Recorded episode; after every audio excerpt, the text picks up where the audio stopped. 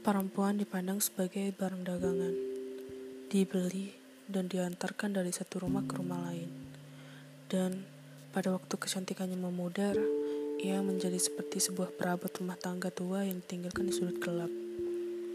Peradaban modern telah membuat perempuan sedikit lebih bijaksana, tetapi membuatnya kian menderita karena keserakahan laki-laki.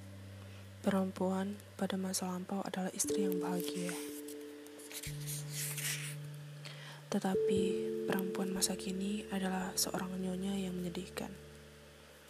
Pada masa lampau, perempuan berjalan seolah buta di dalam terang. Tetapi sekarang, perempuan berjalan dengan mata terbuka di kegelapan.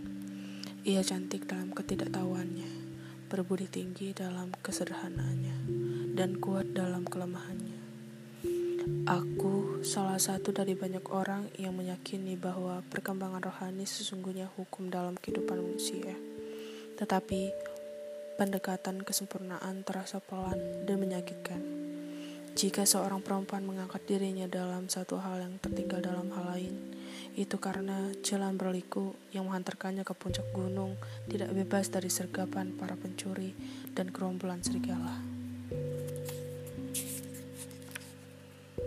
Hadapan tahta kematian dalam buku Khalil Gibran Sayap Saya Patah.